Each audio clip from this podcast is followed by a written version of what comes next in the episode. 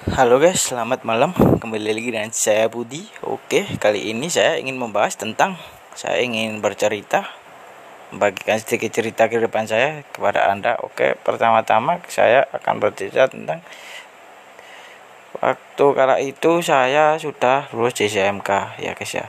Saya itu dulu sekolah di dekat Kelico guys.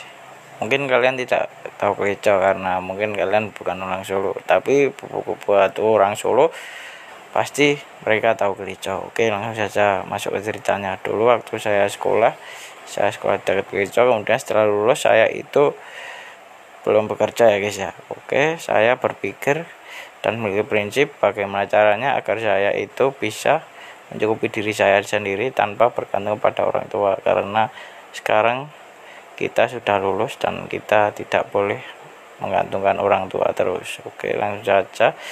Kemudian saya itu berjualan es krim di tempat ibu kantin saya. Saya menjualkan es krim es krim di kantin sekolah saya. Oke sekian dari saya. Itu dulu ya guys ya. Terima kasih